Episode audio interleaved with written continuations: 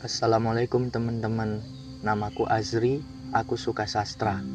Di podcast ini mungkin aku akan ngebahas tentang kehidupan, motivasi, puisi, dan pendidikan Dan hal lainnya yang mungkin akan bermanfaat buat kita semua. Sedikit motivasi buat kita semua. Jangan pernah membandingkan hidupmu dengan hidup orang lain Karena kita hidup di bumi yang sama, namun menjalani takdir yang berbeda. Tetap syukuri apa yang ada, dan semoga kau bahagia. Sampai jumpa. Assalamualaikum warahmatullahi wabarakatuh.